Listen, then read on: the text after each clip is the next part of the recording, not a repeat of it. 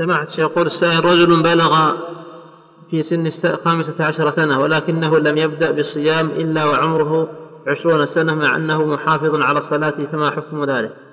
من بلغ ولم يصم عليه يقضي يقضي الصيام.